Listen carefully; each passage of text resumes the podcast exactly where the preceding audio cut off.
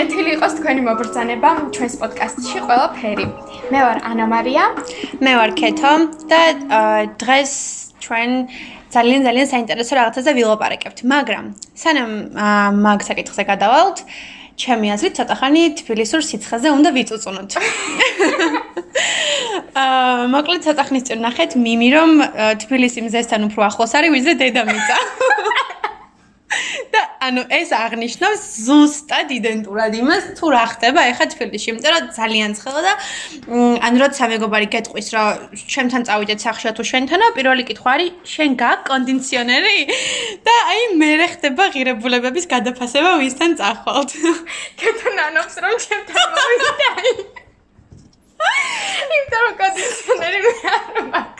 კი ბატონო, ჯობდა ჩვენთან ჩაგვეწერა პოდკასტი. აა მოკლედ, ხო, ძალიან ცხელა რა, შუადღით გარეთ ფაქტობრივად არ გაისვლება. დღისით უნივერსიტეტში თუ მივდივართ, მე საღამომდე ვრჩები ხოლმე, რომ შუადღესადმე არ შევიწვა და მოკლედ ასე დავგორად, ვცდილობთ, რომ გადავრჩეთ. და იქიდან ბებე ჩემი რომ მირეკავს ხოლმე ოზურგეთში ცხოვრობს, ხან წვიმს, ხან ისეთი კარიერა ცივად და რაღაცები და მეთქი არა, can't relate იმენა საერთოდ. ძალიან კარგი ამბავი მაქვს. უკვე თლიანად ავიცერი სინოლაკით. ტყულა ნერვიულობთ, ვინც ნერვიულობს. ანუ მოკლედ პირველი დოზა ჩვეულებრივად გავიკეთე, უბრალოდ მხარი მტკიოდა ის ადგილი, სადაც ნემსი გამიკეთეს, რამოდენიმე საათი მტკიოდა. მაგრამ ანუ სხვა არაფერი გართულება არ იყო, არც სიცხე არ მქონდა, არც რა შეუძლოდ გრძნობდი თავს და რაღაცა. და მეორე დოზა დღეს გავიკეთე, საერთოდ არაფერი არ მიგრძნია, არაფერი არ მტკივა, ძალიან ნორმალურად ვარ. და რავი, იმედია კორონა მალე გადავა და ნორმალურ ცხოვრებას დაუბრუნდებით. ესე იგი აიცე. ძალიან კაი, მეც მინდა ძალიან და ეხლა ველოდები ახალი დოზები რა შემოვა, შემდეგი თვითონ უკვე უნდა დავრეგისტრირდე აზრაზე, იმიტომ რომ რაღაცნაირად უკვე დავიღალე რა ლოდინის რეჟიმით და საბოლოოდ მინდა რომ საბოლოოდ აცრილი სტატუსი მქონდეს. აა ხო, მოკლედ მე გადაწყვეტა ძალიან კაი ნიუსი მაქვს ჩემთვის. რომ დავიწყო ჯანსაღი ცხოვრების წესი. მიუხედავად იმისა, რომ ჯანსაღად ყოველთვის ვიკვებებოდი, არასდროს არ ვარჯიშობდი ხოლმე და დღეს მოკლედ დავიღე ჯიმის აბონემენტი და ხო, დარბაზის სპორტ დარბაზის აბონემენტი ავიღე და აა მოკლედ ძალიან ბედნიერი ვარ, იმიტომ რომ რაღაცნაირად აი ფსიქოლოგიურად რომ ვიცი, რომ იქ ფული გადავიხად და იქ უნდა ვიარო, აა საკუთართოს არ ვაძლევ იმის უფლებას, რომ რაღაცა ვიზარ მეცო და ასე შემდეგ.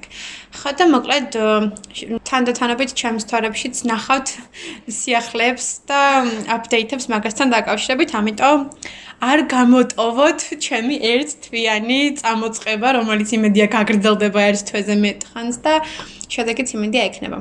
ოკეი. ჩვენი დღევანდელი სასაუბრო თემა არის ჩვენი ყველაზე ყველაზე საყვარელი და ყველაზე ყველაზე ტკბილი მოგონებები. ალბათ ყველა თქვენგანისთვის ნუ თუ ჯერ არ გამოგიცდიათ ეგ მოგონება. ხო. ეს არის ბოლოზარი ბანკეტი და მოკლედ სკოლის დამთავრებასთან დაკავშირებული ძალიან ბევრი საინტერესო დეტალი. აა ჩვენ გვინდა რა აი ახლა ამ ეპიზოდის მანძილზე გავიხსენოთ ჩვენი გამოცდილებები და ჩვენი ისტორიები რომ მოგიყვეთ, იმიტომ რომ რაღაცნაირად ძალიან ძვირფასი არის რა და იმდენად ანა მარიაც რომ იყვებოდა ხოლმე რაღაცაებს იმდენად აღფრთოვანებული იყვებოდა და მეც რო ყვები ხოლმე იმდენად რაღაცა ემოციებით ყვები რომ მგონი იმსახურებს იმას რომ გამომზაურებული იყოს და ჩვენ ესე თქვა შიდა ინფორმაციის მიმოწვლის გარდა უფრო ფართო ხალხშიც გადაინაცვლოს რა.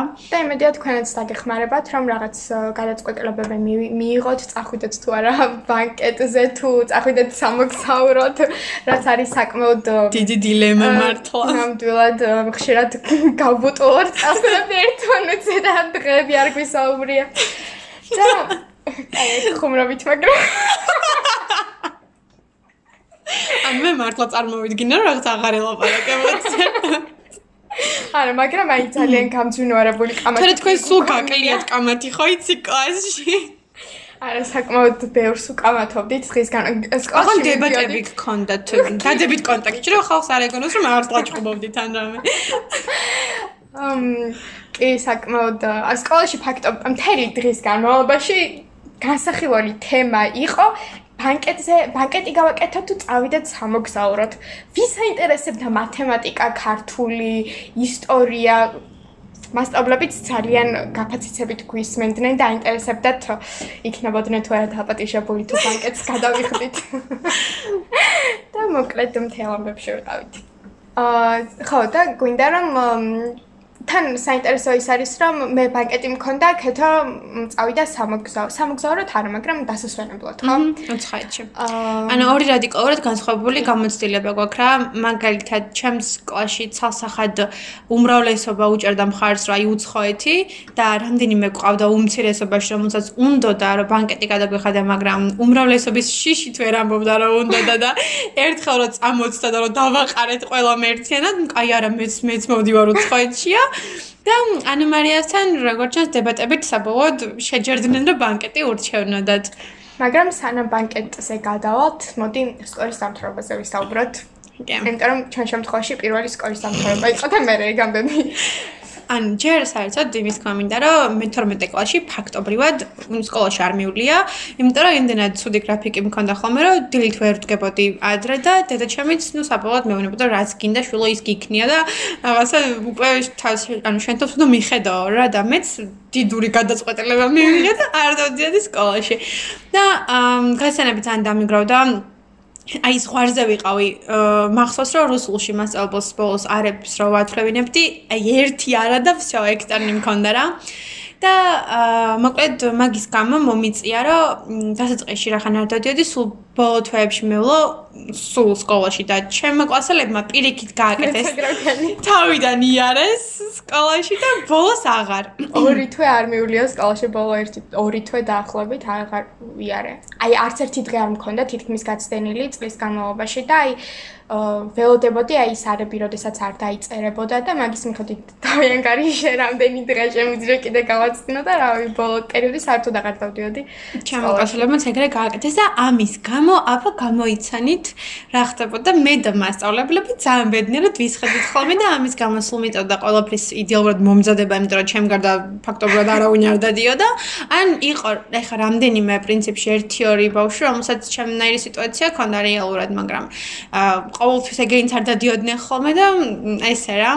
და ამიტომ ბოლო პერიოდი ძალიან 24-7 სკოლაში ვიყავი, მოკლედ რა გითხრათ. თან ანუ არაფერი განსაკუთრებული არ ხდება.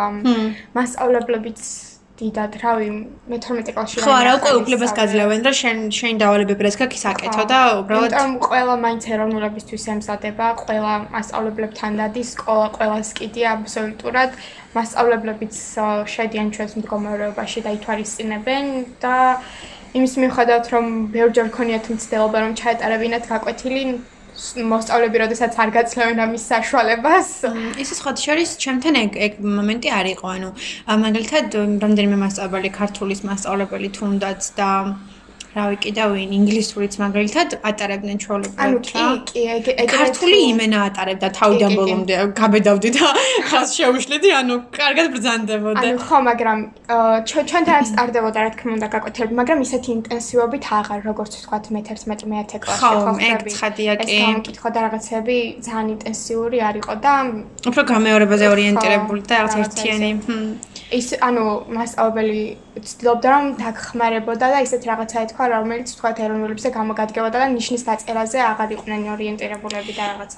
მე მახსოვს ჩემ ქართულის მასწავლებელმა მითხრა ანუ მე არ მომზადებოდი ჩემი სკოლის მასწავლებელთან სხვასთან მომზადებოდი და აა ზოგადად ძალიან ვუყვარდი რა ამ ქართულის მასწავლებელს და სულ ცდილობდა რომ რაღაცნაირად ხელი შეეწყო ჩემთვის და რაღაცები და მოკლედ მითხრა რომ რაღაცაზე მთხოვა რომ დარჩიო რა გაკვეთილის მერე და რა დავრჩი და რაღაც რომ დაველაპარაკე მითხრა რომ რაღაცნაირად ძალიან მინდა რომ ჩემი წვლილიც იყოს რა აი შენ სიმენ შედარა და ჩემი ქართლის მასწავლებლის წვლილი ძალიან დიდი იყო იმიტომ რომ მას ანუ ეგრო არ ყოფილიყო ჩემი მასწავლებელი ალბათ ძალიან გამიჭერდებოდა იმიტომ რომ მაქსიმალურს აკეთებდა სკოლაში და ცალკე რო არ მეულა მარტო მაგითიც ჩავაბარებდი რა მართლა ესე მგონია და აა მეუბნება რომ ძალიან მინდა რომ დაგეხმარო და რაღაცა შენი თემები თუ გინდა და თუ სულ გაქ შეგიძლია წამაკითხო და მე რაღაც არჩევებს მოგცემო და რაღაცა რა.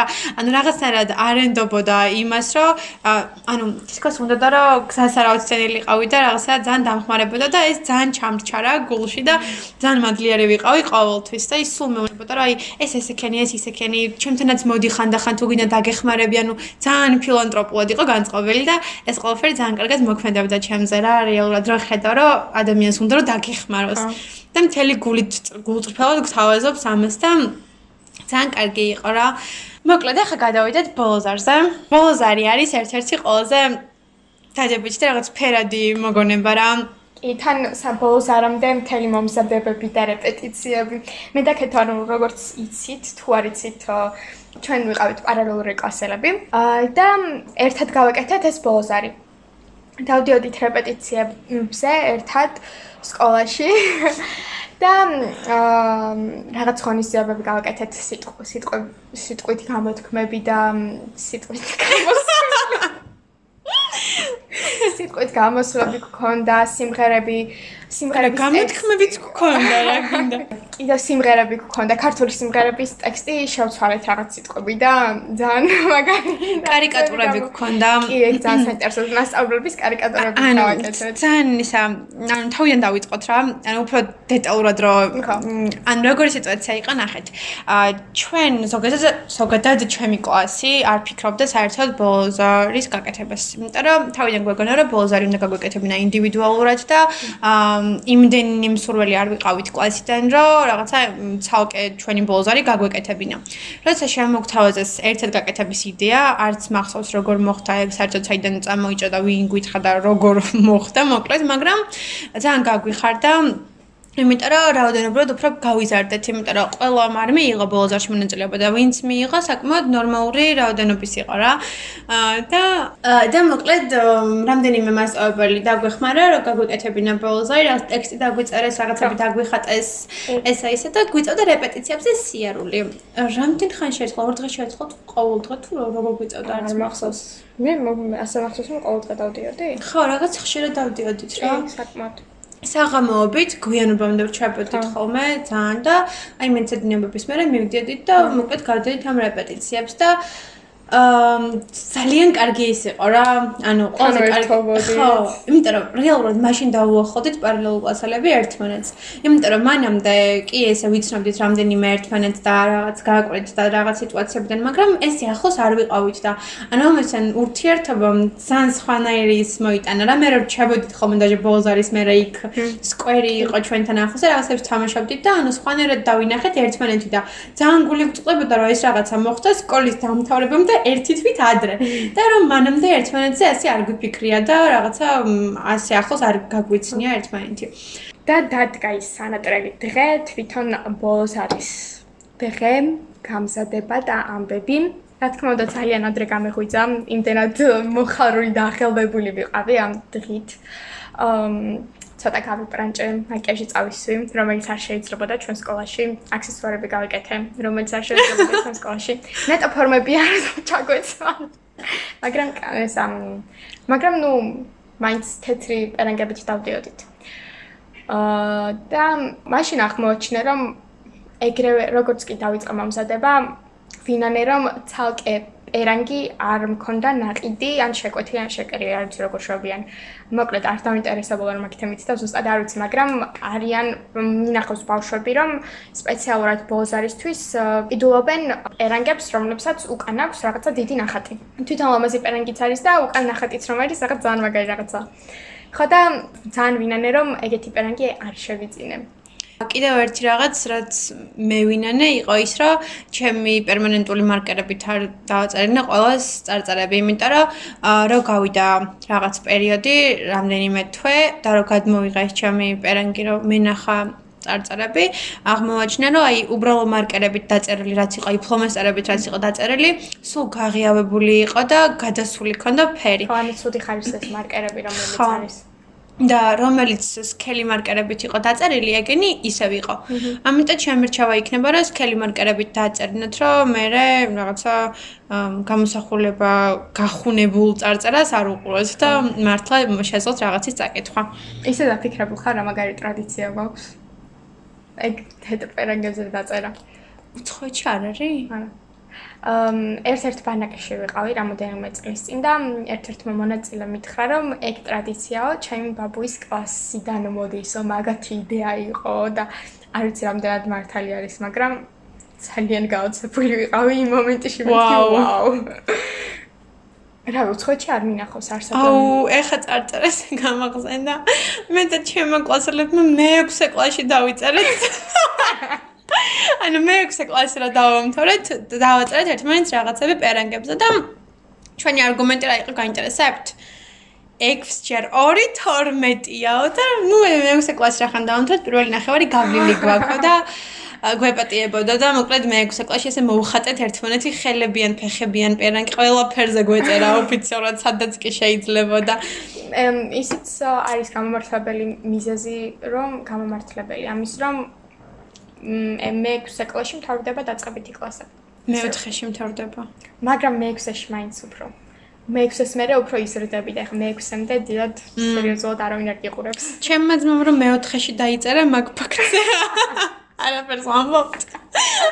ანუ მეოთხე კლასში მოკლედ დედიკოს ეუბნება რა. დედა მოკლედ და ეს ხო ოპერანგი გამიმზადო და უნდა დავიწეროთ რაღაცები. უნდა იწერო მეოთხე კლასში ხარონი გაიგეთი ხო? ა დაჟე მე არა მესამეში იყო ხო? იმიტომ რომ დედიკო ეუბნება რომ მეოთხე კლასში იყო და ღონიზება რა ქონეს კიდე კაიო, მაგრამ მესამე კლასში რას იწერთო რა საერთოდ და ხა და მოკლედ რა. აა ზოგადად ბოლო დღე ძალიან გადავუხვიეთ ახლა თემას და ბოლო დღე ისა ბოლო ზარის იყო ძალიან მაგარი შეგრძნება იმიტომ რომ აი რაღაც ძალიან main character ხარ რა, ყურადღების ცენტრში ხარ, ვიცაც კი ოდეს მე რაღაცა აკავშირებს შენთან მოდის და რაღაცებს გაწერს და უცხო ხალხი. ხო, უცხო ხალხი, აი ვინ ჩვენთან გიცნობ და რაღაცა რაღაცა. რა შედი ხარ გაკვეთილზე რაღაც მასწავლებლები წამოფრინდებიან და მოგამოვლენ და რაღაცა დაგაწერენ და ყველა იქ პატარები გიყურებენ რომ აი მე ამათ ბოლოს არის აქ და რა უხარიათ თუ ნება მიეცი რომ დაგაწერან ყველა მოგესი. კი.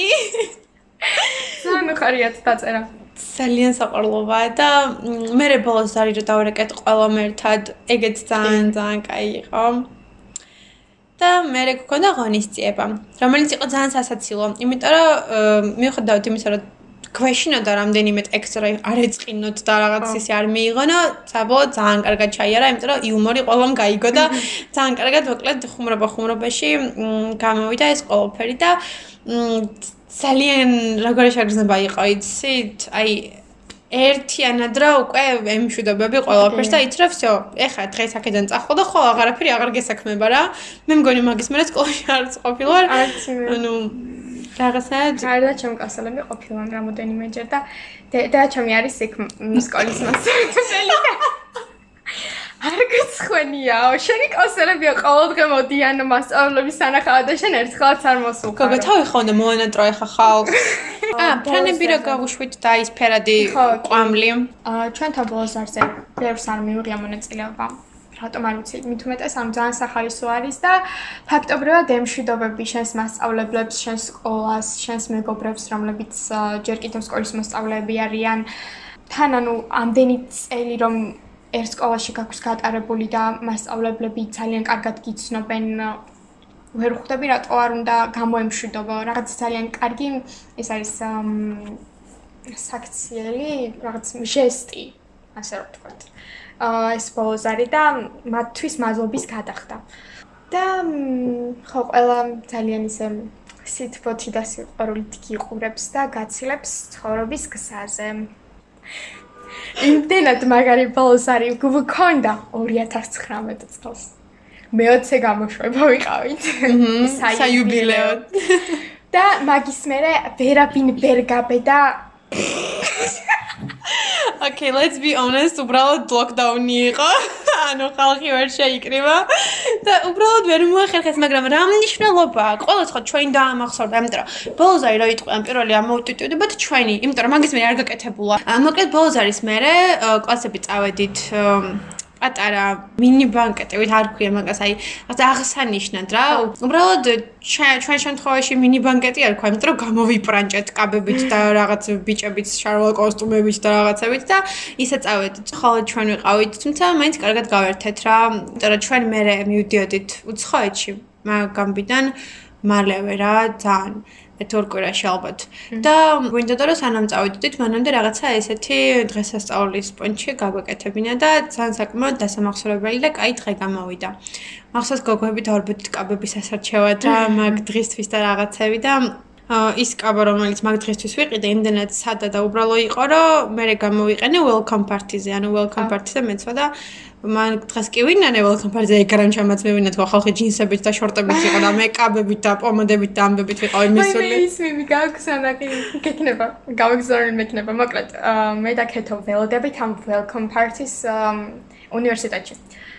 პირების განმავლობაში რა და ბოლოს დაინიშნა ეს ღონისძიება და ფიქრობთ ახლა რა ვქნათ, როგორ გამოვიბრუნჭოთ, თქვით რომ ერთად ჯერ ჩემთან მოვიდა და კეთო და რაღაც მაკიაჟებს გავუკეთებდით ერთმანეთს და გამოვიბრუნჭებოდით და უცებ ხვდება მიმი რომ რაღაც აი ძალიან საშინელ გარემოში აი ნანგრევები რომ არის ხო იცით აი ბეტონები რო არის და აი ნანგრევები რო არის და შუაში დგას აი გამოწკეპილი ძალიან წვეულების თითქოს აი წვეულებაზე მიდის რაღაცა ძალიან ძერსკი კაცი არის რა და ისა მიმი იყო რომ ანუ welcome party-ზე რომ მიდიხარო და რაღაცა. ანუ და მე კიდე ძალიან ბევრი პოსტი მხვდებოდა რაღაცა პირველ კურსელები იმით რომ დადიან რაღაც საქორწილო კაბებით welcome party-ზე და მე და ანა მარიას ოცნებები დაგვემსხრა მოკლედ და მაგ დღეს შენ რა გეცვა მაგ დღეს შენ კაბა მეცვა ხო აა ხო ხო ხო გამახსენდა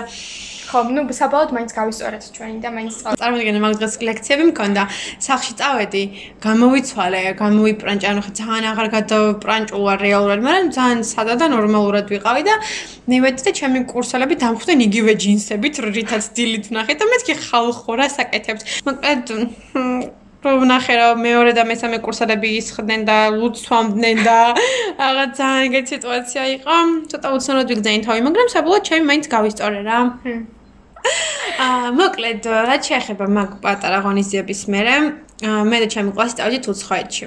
ანუ მარიას კლასმა გააკეთა ბანკეტი. ჩემი კლასი წავედით კარაოკე ბარში მოკლედ ბოლოს არის შემდეგ საღამოს ჩემ ერთ-ერთმა კლასელმა ითავა რომ მე დავჯავშნიო ამ რაღაც კარაოკე ბარში მოდიოდით და მე დავჯავშნიო და ჩემზე იყოსა და კარგია რა და მქონდა მაგას რაღაც კონტაქტები და რაღაცები და ბათუმში ვცხოვრობთ, ანუ ძველი მაკდონალდი სადაც არის, იქ იყო რაღაც კარაოკე ბარი წინა წელს ჩემ ერთ-ერთმა კლასელმა გადაიხადა მანდ დაბადების დღე და მან მივდიოდი წესით. ხო და რამოდენიმე ბავშვი რომ შევიკრიბეთ, დავრეკეთ ახლა ამ ჩვენს კლასელთან ვინც ითავა ამ ღონისძიების დაჯოშნა და რაღაც გაკეთება და სათხაც და რაღაცა და ბოლოს აღმოჩნდა რომ იქ აღარ არის ის კარაოკე ბარი. ხო და არის სადღაც ისეთ უბანში, აი წარმოდგენა რო არ მაქვს სად არის, აი მართლა წარმოდგენა არ მქონდა, პირველად ვიყავი იმ ადგილას და არც არას უნდა სარწავა ალბათ მაგ ადგილას. და ნუ მოკლედ კაი მივედით იმ ადგილას. და სანამ შეგვიშვებდნენ ამ ბარში, დაცვა იყო, დაცვა თუ რაღაც თანამშრომელი გამოვიდა და გვეუბნება, რომ ამ ტერიტორიას არ დატოვებთო. გოგოებს თუ მოუნდებათ გასვლაო, აუცილებლად ბიჭები თან უნდა ახლდეთო. What? და ნუ რაღაც ეგეთი წესები გვითხრა რა. ძალიან შოკში ვიყავი. ანუ სად იყავით უკაცრავად? არ ვიცი. ანუ სხვა ქვეყანაში. აა ხოდა მე ანუ ირგვლივ სულ ტერიტორიის დატოვებები და რაღაცეები იყო, არ ვიცი, ტერიტორიის დატოვება რა რა იგულისხმება ანუ საპროფესორში გასვლა თუ არა არა გასვლა ბარიდან თუ ანუ ამ ბარის ახლოს ამ ტერიტორიის დატოვება თუ რაღაცა ეგეთი წესები იყო რა არ მახსოვს ზუსტად რაც უნდა უნდა მახსოვს მაგრამ აი ეხა გამახსენდა რომ აი ეგეთი რაღაცა მოხდა და უსნაურია ანუ ვიყავი ეს ციტა სიტუაცია როგორი იყო ციტა სიტუაცია ნუ ჩავლებე რაღაცა კარაოკე ბარი იყო ჩაბნეული იყო რაღაც განათებები იყო მუსიკა რაღაცა ისა ისა და რავი გავერთეთ რა გინდა თუ არა მაინც შენს კლასელებთან შენს ასწავლებთან ერთად როცა ხარ რაც უნდა ცუდ სიტუაციაში და ცუდ გარემოში იყოს მაინც მაინც ძალიან კარგად გაერთობი და ჩვენს ძალიან კარგად გავერთეთ რაღაც ვიდეოები გადავიღეთ ფოტოები გადავიღეთ და მე დავიშალეთ. ხა პროსტა იქ მონაკვეთი დღემდე ვერ ხსნი რა იყო თქვენ ბანკეტი გამოცდებამდე გქონდათ თუ არა გამოცდების მერე. აა და კიდევ თან ბათუმში გვინდოდა ბანკეტის გაკეთება. და ეხლა მსჯელობთ სად უნდა გავაკეთოთ. და თან ეხლა ბათუმში ცოტა ამინდის მხრივ ღმერთმაიცის როდის გაწვიმდება. წინასწარ ვერასდროს ვერ ეყრდნობი პროგნოზს. და ნუ მოკლედ ფულს.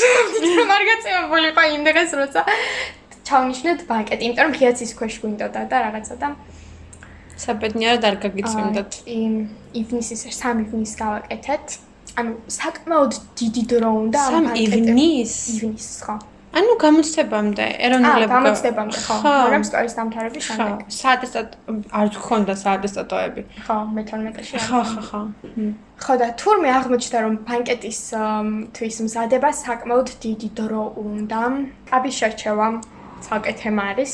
მე შედარებით არის გამიმართლა თუ არა, მაგრამ ანუ მე არ შემიკერია რა და ჭირვები ამ ნაჭრებს ესიარული და შეკრებები და რაღაცები, იმიტომ რომ ჩემო მშობლებმა მიყიდეს კაბა დუბაიში იყვნენ და პეტ ბეიკერის კაბა. ну, მოკლედ იქიდან მიგზავნიდნენ რაღაც ფოტოებს. და არც ერთი არ მომწონდა და დიდად ის კაბაც არ მეხატებოდა გულზე, რომელიც ამარჩევინეს. კარგი მეთქე კაბა იყო, იმიტომ რომ სხვები არ მომწონდა და რაღაცა და გამარწმუნეს რომ ეკაბა ამეღო და ჩამოვიდნენ და მოვიზომე და ნუ ნორმალურად მქონდა. მე პანკეტამდე დავიწყე ბარჯიში და დიეტა. აა, ეს ის კაბა არ არის, მე რომელიც ბანკეტზე გეცვა? ხო. ვარდისფერი. ხო. ჰმ. თუ გაინტერესებთ კაბა, შეგიძლიათ ჩემს ინსტაგრამზე ნახოთ. ჰაილაითებიც კი მაქვს გაკეთებული. აა, ხო, ბოლოს არის ჰაილაითიც მაქვს და ერთ-ერთ ვიდეოში მე დაკეთე ერთ-ერთმანეთის გვერდით ვართ. ხო და საბოლოოდ მომიწია რომ გადამეკეთებინა რა, კერავთან მაინც წავედი. რომ გადამეკეთებინა. მეც არ მიყვარს ესეთი კაბები, რომ ანუ ოფილი არის რა, ზედა ნაწილი და ქვედა ნაწილი და წელთან წდება, ასე რომ ვთქვა და მე დაშვებული კაბები არის და ანუ ძირთადად ეგეთ კაბებს ვიცნობ და ეგეთი კაბა იყო ჩემს ბანკეტის საბანკეტო კაბაც და ცალკე დავდიოდი მაღაზიებში რომ მეპოვა თეთრი წვრილი კამარი. ანუ რამდენი მაღაზია შემოვიარე. და მე კიდევ ცალკე აქსესუარები მაღაზია უნდა იფიქრო კიდე. როგორი შეიძლება გაიკეთო და ჩანთა მე რაღაცა ისა ისა.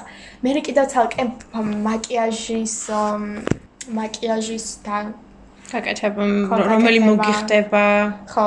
და იმიტომ რომ ესე ეგრევე რო ადგე და წახვიდე და ცადო ეგრევე იქნება არ მოგიხდეს. ეგეც არის და მოკლედ მე დიდად არ მომწონდა თმების შეღებვა რა.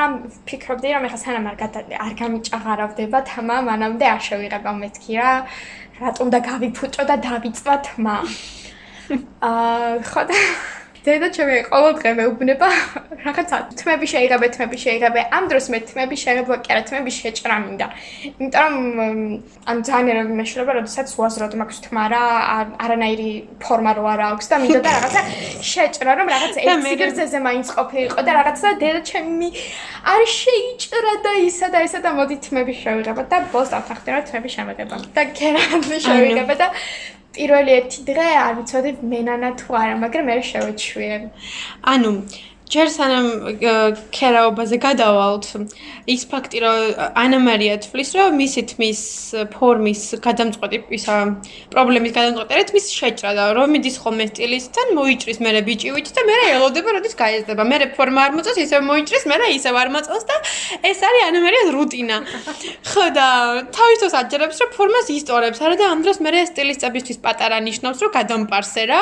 და რომ მიდის ანა მარია ჭრიანი მენა ბოლომდე და მოკლედ ხო. არ და ქერა ძალიან მოგიხთა რეალურად და ძალიან გამოგანათა რა თან მაგ პერიოდში ძალიან რო დაიკეი და რაღაცა აი thank you. აა ხო დავიხდიეთ მები და მაკიაჟი ვნანობ რომ ძალიან უბრალო და სადა გავიკე. და ანათებდა მოკლედ ესე. აა ის დამავიწყდა ფეხსაცმელი რომ თებერვალში ვიყიდე. თებერვალში ვიყავი სტრასბურგში რაღაც პროექტზე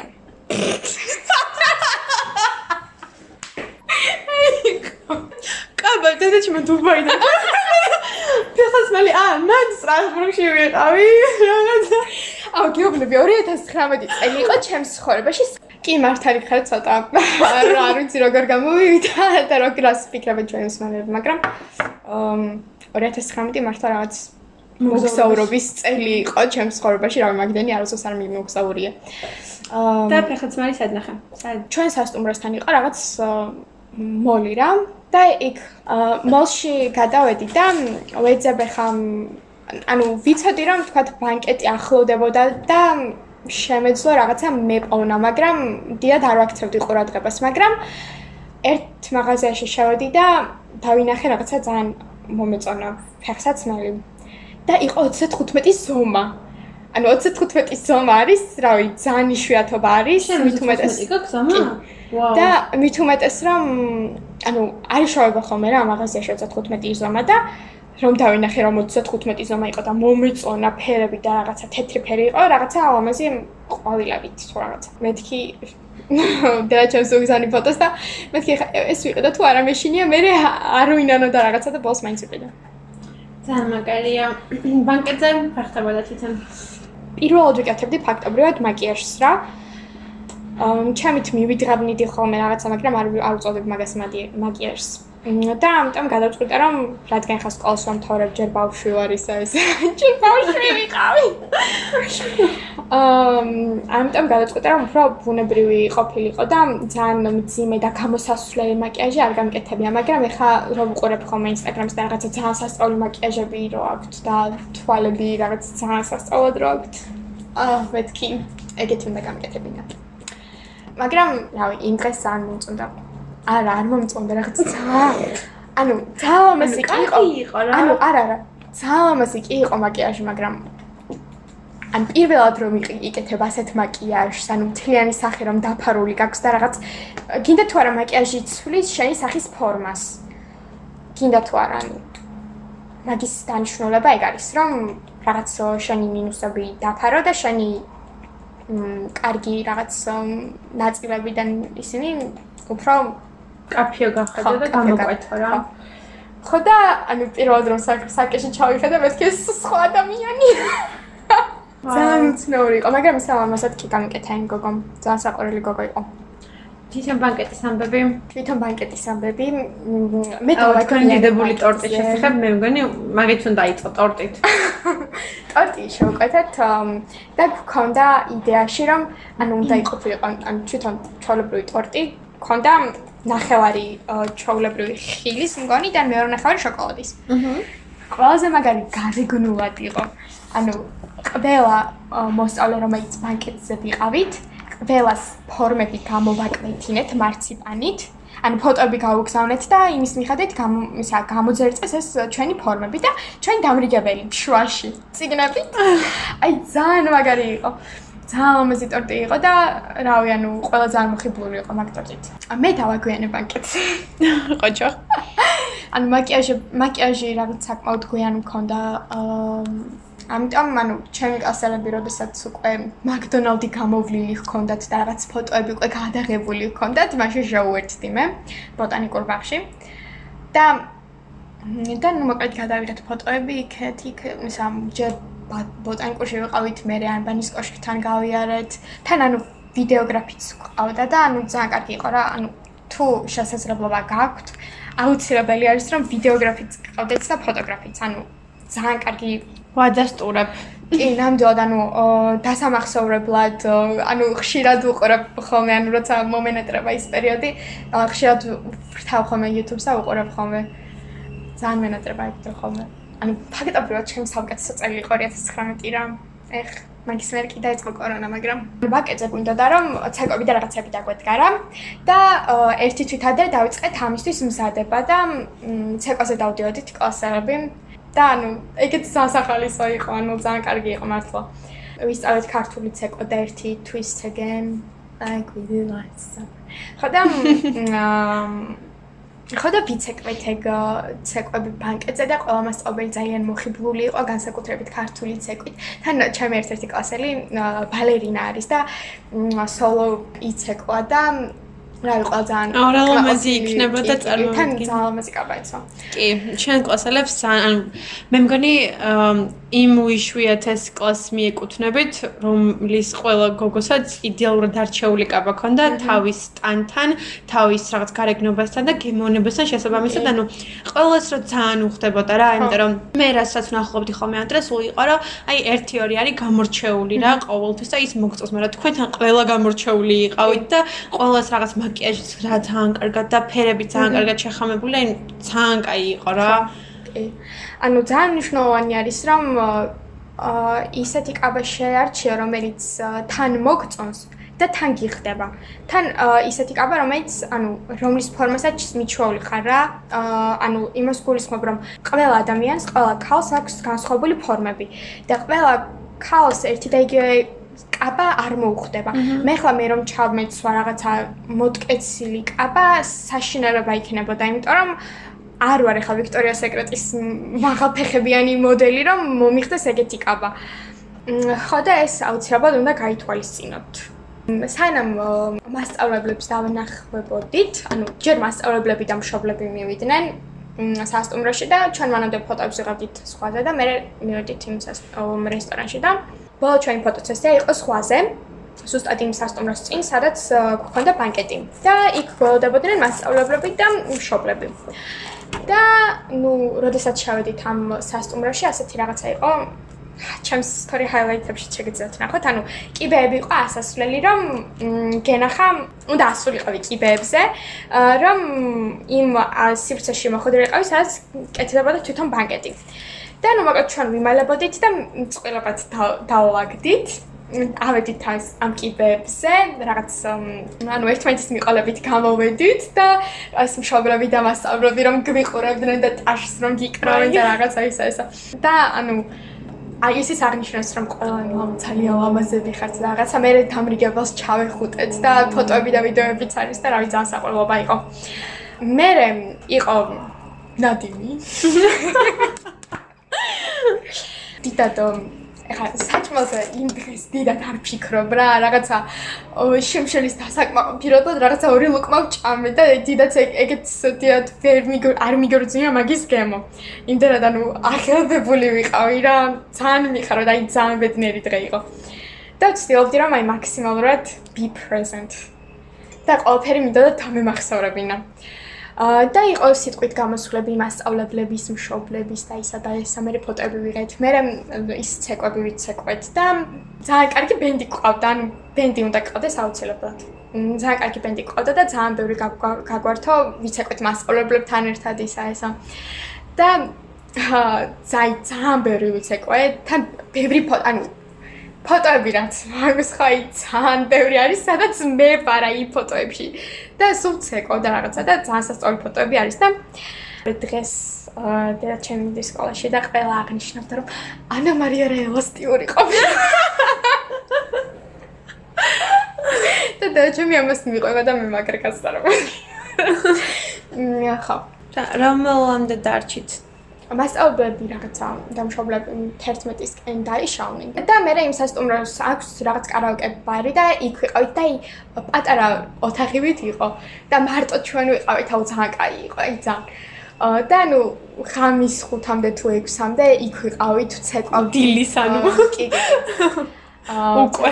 ხო ცეკვავდით ძამეური დავლიეთ სიყვარულები უხსენით ერთმანეთს ვინც ერთმანეთს ერთმანეთი გულზე რომ არ ეხატებათ იმათმაც კი უხსნეს ერთმანეთის ერთმანეთის სიყვარული და რაღაცა ის ძალიან კაი ვაუ ეხა ყველაფერი საწყობი არის opposite იმისი რაც მე უნდა მოუყვე.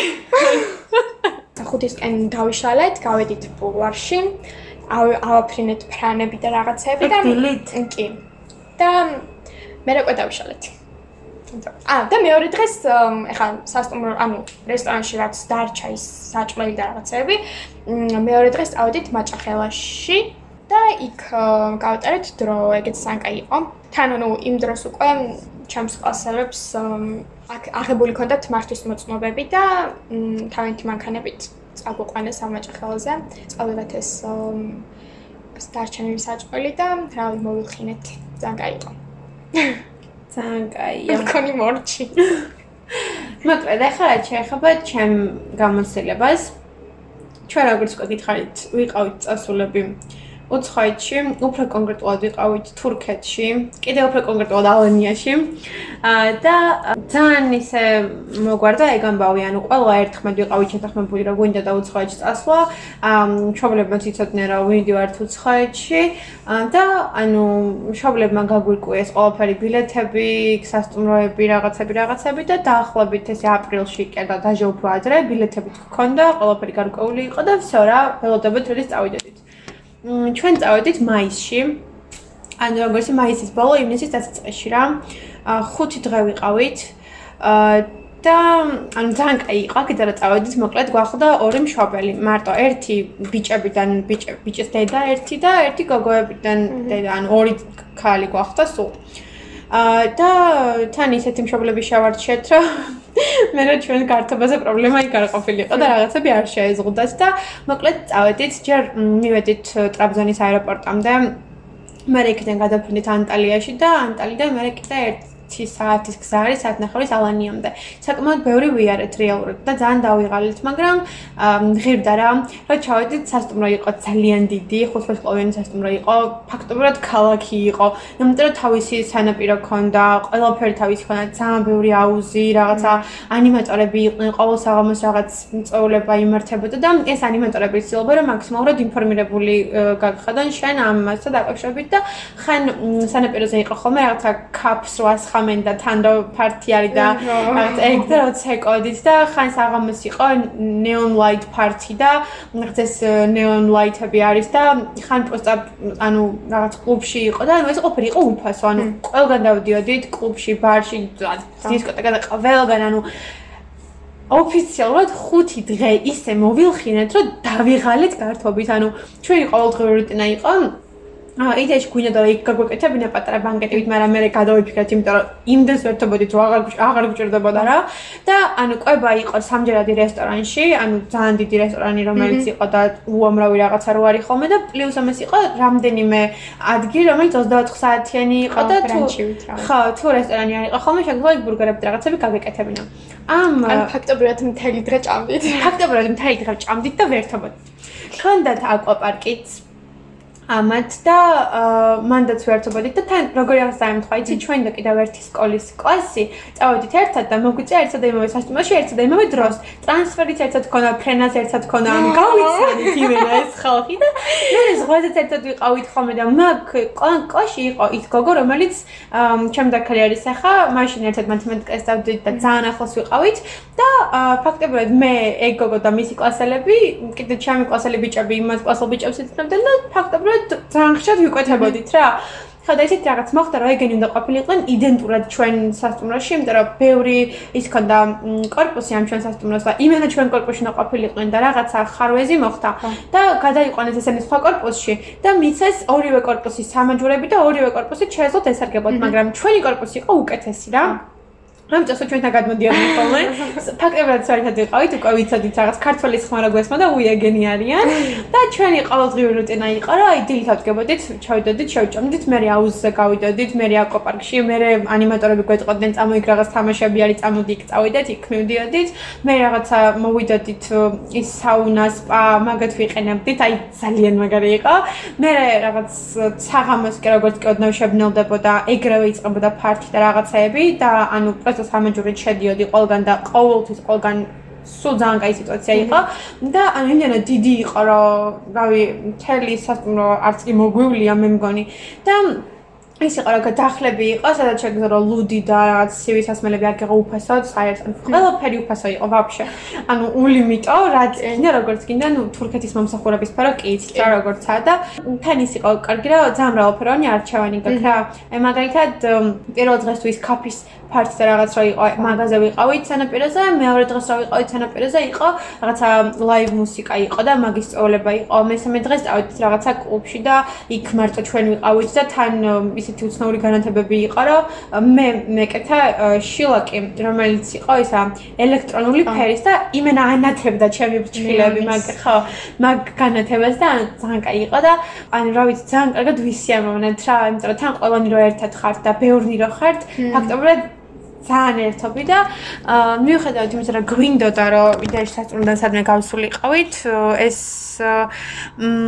ანუ ეს სურვილი ძალიან ცოტა ხანს გაგრძელდა, იმიტომ რომ მოგვეწონა ძალიან რა, სასწრუნოში რა ვითარებაც იყო ეგ და ის რომ გავჩერებული ყავია დაგვესვენა, მაგი ანუ არც კი გვიფიქრია საერთოდ რა 24 შვიცე რაღაც გართობა ჭამა დასვენება გულაობა რაღაც რაღაც და სანაპიროზე იყიდებოდა ხოლმე ძალიან ანუ ძალიან კაი რაღაცები რა იყო კაფეებიც იყო რაღაც გამოსვლებიც. ა ერთხელ დაჟე ვიყავით რაღაც სცენაზე სადაც იყვნენ აკრობატები და რაღაც წარმოდგენა ქონდათ რა და ანუ ძალიან იმენა შევიჭერით როლებში ვიცხედით უყურებით ამას და ესენი იყირა და გადადიოდნენ და ანუ ძალიან ის იყო რა მოწყნის საშუალება არ გქონდა. ამ ანიმატორებ ანიმატორმა ბიჭებმა კიდე დაგვიმატეს რა ინსტაგრამზე რომ მოეწერათ ყოველ დღე რა აქტივობა იყო და რაღაცები და აი 24 ხუში დავწერდნენ რომ აი ხა ამას ვაკეთებთ ხა ამას ვაკეთებთ ჩამოდით ჩამოდით ეგ არის მაგათი საქმე რეალურად და აი როგორ გითხრათ ძალიან ცოტა ხანი ვიყავი აუზზე რომ ესე გავჩერებული ყავი და რუჯი მიმეყო მიუხედავად იმისა რომ ჩემი კლასელი გოგონები უფრო ჩემ თეატრებში უფრო დიდხანს ჩებოდნენ ხოლმე აუზზე. არა მე და ჩემი ერთი მეგობარი რომ ძალიან ძალიან კარგად იყავი, სულ დავდეთ და ხანსად დავსრიალებდით, ხანსად, ხანსად, ან ძალიან ვერ თამოდეთ მოკლედ და მიუხედავად იმისა, რომ ძალიან ცოტა ხანი ვიყავი, მაზე გასაროჯად მაინც ძალიან კაი ფერი მქონდა და მოკლედ გინდა თუ არა მზეში. ხო, გინდა თუ არა მზეში ხარ და ანუ აი უიდეალურესი იყო რა. ის მშობლებმაც ძალიან შეგვიწყეს ხელი იმიტომ რომ სულ ის ისე იყო რომ აი სახში არ გაჩერდეთ წადით გაერთეთ რაღაც რაღაც და ხუთი დღის მანძილზე რაც კიოდეს მე ეროვნულების განსტრესი მიგვიღია და რაც კიოდეს მე სწავლისაგან რაღაცაზე უარი გვითქომს რაღაცა ყველაფერი ერთიანად ამოვიღეთ. და აი თან რა იყო იცი რაღაც კლასელები ისე ვიყავით ანუ უცხო ქალაქში ხარ ერთმანეთის გარდა არავინ არ ყავს რა. ძალიან სხვანაირად შევიკარით მაგ პერიოდის მანძილზე და მართლა ძალიან კაი იყო და მოკლედ რა დამთავრდა ეს ყველაფერი უკანა გზაზე რა ჩამოვედით მოკლედ და ჩემი კლასელი აეროპორტში დაიკარგა ანუ შემთხვევით თვითნავიდან გამოსასვლელი შეშალა თუ არ მახსოვს დეტალურად რა მოხდა მაგრამ დაიკარგა მოკლედ რა. და მთელი რაღაც ზებნის მე საბოლოოდ ვიპოვეთ. ნამტირალები იყო და რაღაცები და ანუ საბოლოოდ მოკლედ სად დაიკარგებოდა მაგრამ თან სად გაუშვას იცი? თვითნავში რაღაცები ადამიანებს დარჩება და დაიკარგებათ ნივთები. მე აქვს დაკარგული ნივთების განყოფილებაში და ამ დაკარგული ნივთების განყოფილებაში იყო რაღაცა ნივთები და ჩემი კლასელი. იქ დაკარგულ ნივთებში. და მოკლედ საბოლოოდ მე ბავშვებმა იპოვეს, მივაგნეს მალევე, მშობლებიც დაპანიკდნენ ძალიან, რომ აი მე რაღაც რაღაცა, მაგრამ საბედნიეროდ უკვე ტრაბზონში ვიყავით და ანუ არც და გოჩქარებოდა რა, თუ რაღაცა არც არც არ წავიდოდით თვითნავიდან ჩამოსულები ვიყავით უკვე და მოკლედ მაგთან დაუბრუნდით და მივხვდით, რომ ხუთი მაგ ხუთი დღის მერე მე 6 დღეს უკვე ბათუმში რო ვიყავით ერთადერთი რამ რაც გვინდა და იყო ძილი და დასვენება იმიტომ რომ დაღლილები ვიყავით გართობით და მე მგონი მაგის მერე მე ჯერ ეგრე აღარ იმას მიქნია რა ქვია გავრთობილ ვარ და არაფერი აღარ მიქნია იმიტომ რომ რავი ყველაზე კარგი პერიოდი და დრო იყო რა. ნამდვილად ოსაკადად ეგ სკოლის დამთავრებელი პერიოდი არის ყველაზე რავი სახალისო რა პირველ რიგში სკოლას დამთავრებ რაც ძალიან გიხარია რომ იზრდები და რაღაცა შორტების სკოლას.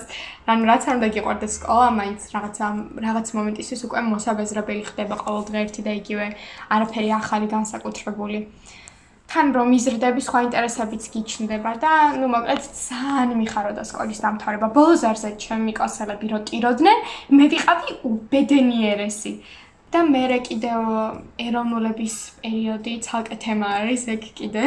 ეროვნული გამოცდების გამოცდილება სტრესთან გამკლავება და ამბები. თუ დაგაინტერესებთ შეგვიძლია ამ ამაზეც ჩავწეროთ ეპიზოდი და დააკომენტარეთ ან მოგწერეთ ინსტაგრამზე თუ გაინტერესებთ ეს თემა. ან რაიმე სხვა თემა თუ გვიჩევთ ძალიან გამხარდება ხო და მე კიდე უნივერსიტეტში ჩაბარება და ახალი ადამიანების გაცნობა ახალ გარემოში, ნუ მოკლედ საუკეთესო წელი იყო რა ჩემთვის. ჩემთვისაც ეგრე. ოკეი, მე მგონი რეალურად სულ ეს არის, ის მე ყოველთვის გვინდა და იმედია მოგეწონებათ ჩვენი ისტორიები და გაგვიზიარეთ მე თქვენი საბეჭლებები რამდენად დაგაინტერესათ. ისიც გვაინტერესებს, რომელი უფრო მოგეწონათ ბანკეტის იდეა თუ ცხოეში წასვლისა თქვენ რას იზამდით ნეტავ.